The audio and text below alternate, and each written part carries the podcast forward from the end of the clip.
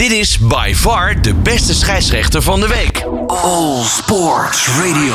Elke maandag dan eh, nemen we weer een eh, kijkje op de VAR en de arbitrage in de Eredivisie. En afgelopen weekend werd speelronde 17 gespeeld. Met daarin uiteraard de klassieker.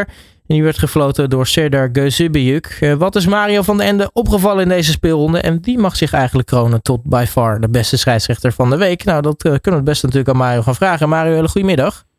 Goedemiddag, Robert. Um, ja, allereerst, er was natuurlijk het weekend van de klassieker. Uh, heeft die wedstrijd een beetje aan jouw verwachtingen voldaan? Ja, eigenlijk wel. Dat, maar dat wil dus niet zeggen dat, ik het geweldig vond. Maar als je dus vooraf de zeer opgefokte verhalen en de opgefokte sferen, hè, als je ook die laatste trainingen ziet van de clubs die dan breed uitgemeten worden, bijvoorbeeld door ESPN en zo. Ja, dan verwacht je gewoon eh, eigenlijk geen wedstrijd eh, waar het pure voetbal van afdraait, maar meer een, eh, ja, een soort titanenstrijd. En, en een strijd die in een, ja, in een oude Romeinse arena vroeger toegepast was. En ja, dat werd het ook. Het werd natuurlijk een totale vechtwedstrijd.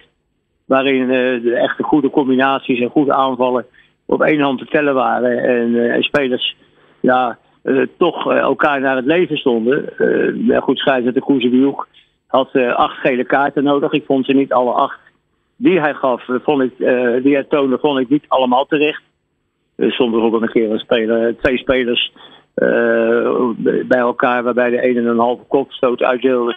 Die vond ik wel terecht geel, maar dit de speler van Ajax dan weer niet. Weet je, maar er hadden ook nog een aantal andere overtredingen met een gele kaart bestraft kunnen worden. Maar het bleef in ieder geval toch nog binnen de perken. Dus dat was in ieder geval wel een verdienste van de arbitrage.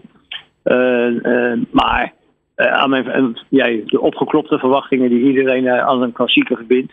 Ik heb gisteren ook nog even laten weten dat, ik een klassieker nou niet gelijk de definitie vind van een goede voetbalwedstrijd. Ja, nu zeg je al, had acht gele kaarten nodig, uh, Gezubiuk. Er is nog wel een vraag. had er niet eentje misschien rood van kleur kunnen zijn? Als je kijkt naar de overtreding van, van Hartman op Robbie. Uh, ja, maar daar zat dan nog een, uh, een, stukje, een stukje bal bij. Hè? En, uh, dat zeg ik ook. Er zijn een aantal kaarten die, ik, die, die, die ook wel gemist werden.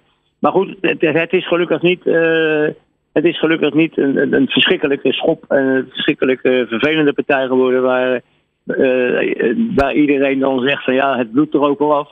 En zover is het, is het niet gekomen. Dus ja, nou ja, oké. Dit, dit, was eigenlijk een wedstrijd die ja, die eigenlijk buiten de competitie dan staat. Hè? Door, de, door de enorm opgeklopte ja, uh, indrukken die van tevoren al gegeven worden. En, uh, maar nogmaals, binnen de perken gebleven en dat, dat is al een compliment waard. Nou, nu was jij het vooraf misschien niet helemaal eens met de aanstelling van Gusibiuk, maar heeft, hij, heeft hij jou kunnen bekoren? Hoe bedoel je dat ik er niet eens was?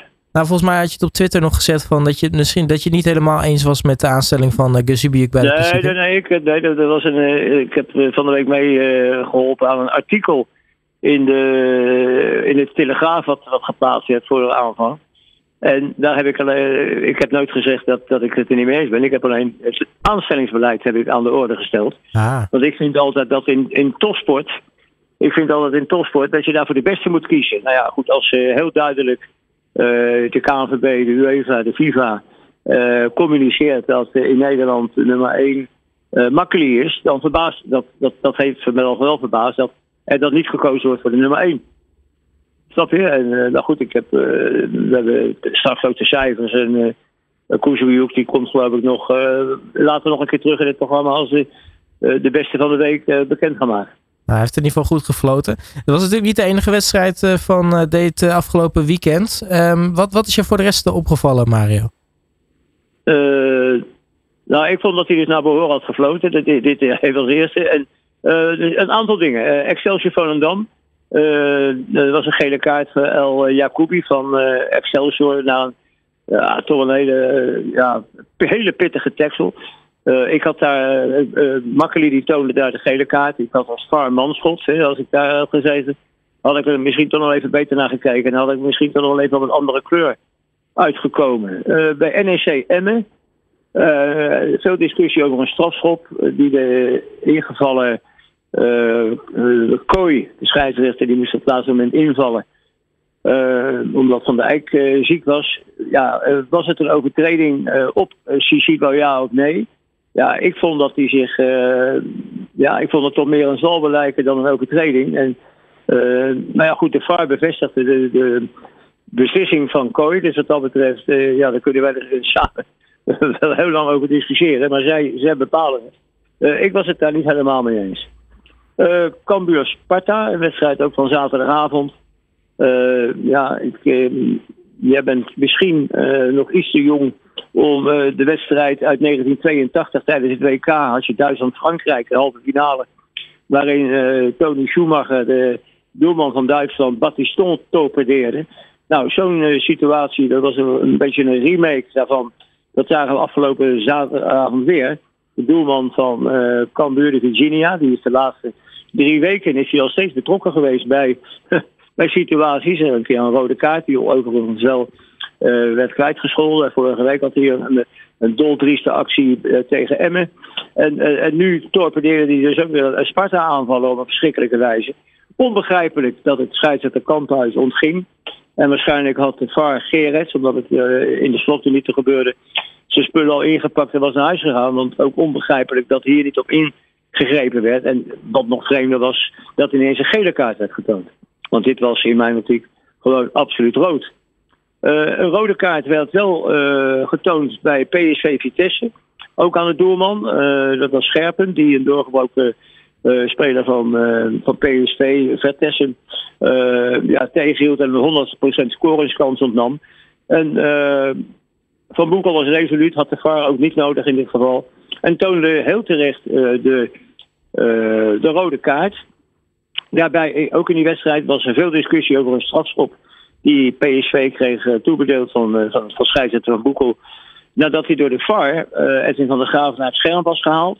Er was een situatie dat de bal al weg was in het stadsgebied. Toen uh, Dijks, de verdediger van uh, Vitesse, El Ghazi uh, onderuit schoffelde. Ja, er was geen scoringskans. Maar het was natuurlijk een 100% overtreding. En de bal was nog in spel. Dus dan, uh, ja, dan uh, was het gewoon een hele terechte 100% strafschop. Dus wat dat betreft was het een goede ingreep van de VAR. Wat me dan wel weer wel verbaast, is dat Scherper die de bal van Luc de Jong de strafschop stopte. Uh, je weet dat je, totdat de bal geschopt wordt als doelman, op de doellijn moet staan. Mm-hmm. Nou overduidelijk was dat uh, Scherper in ieder geval een, uh, een, een, klein metertje pikte. En misschien daardoor wel die bal wat makkelijker stopte. En dan verbaast het mij dat één scheidsrechter en assistent scheidsrechter die op de achterlijn staan, en ook de VAR die dat beeld stil kan zetten, dan niet ingrijpt. Of ingreep. Uh, dan hebben we uh, FC Twente Utrecht nog uh, gezien gisteren. wat daar opviel was dat er al na 6, 7 seconden een hele stevige overtreding van Brouwers plaatsvindt, of van Wolfswinkel. Ja, dan is het net of de scheidsrechter dan nog eventjes niet het vizier op scherp heeft staan.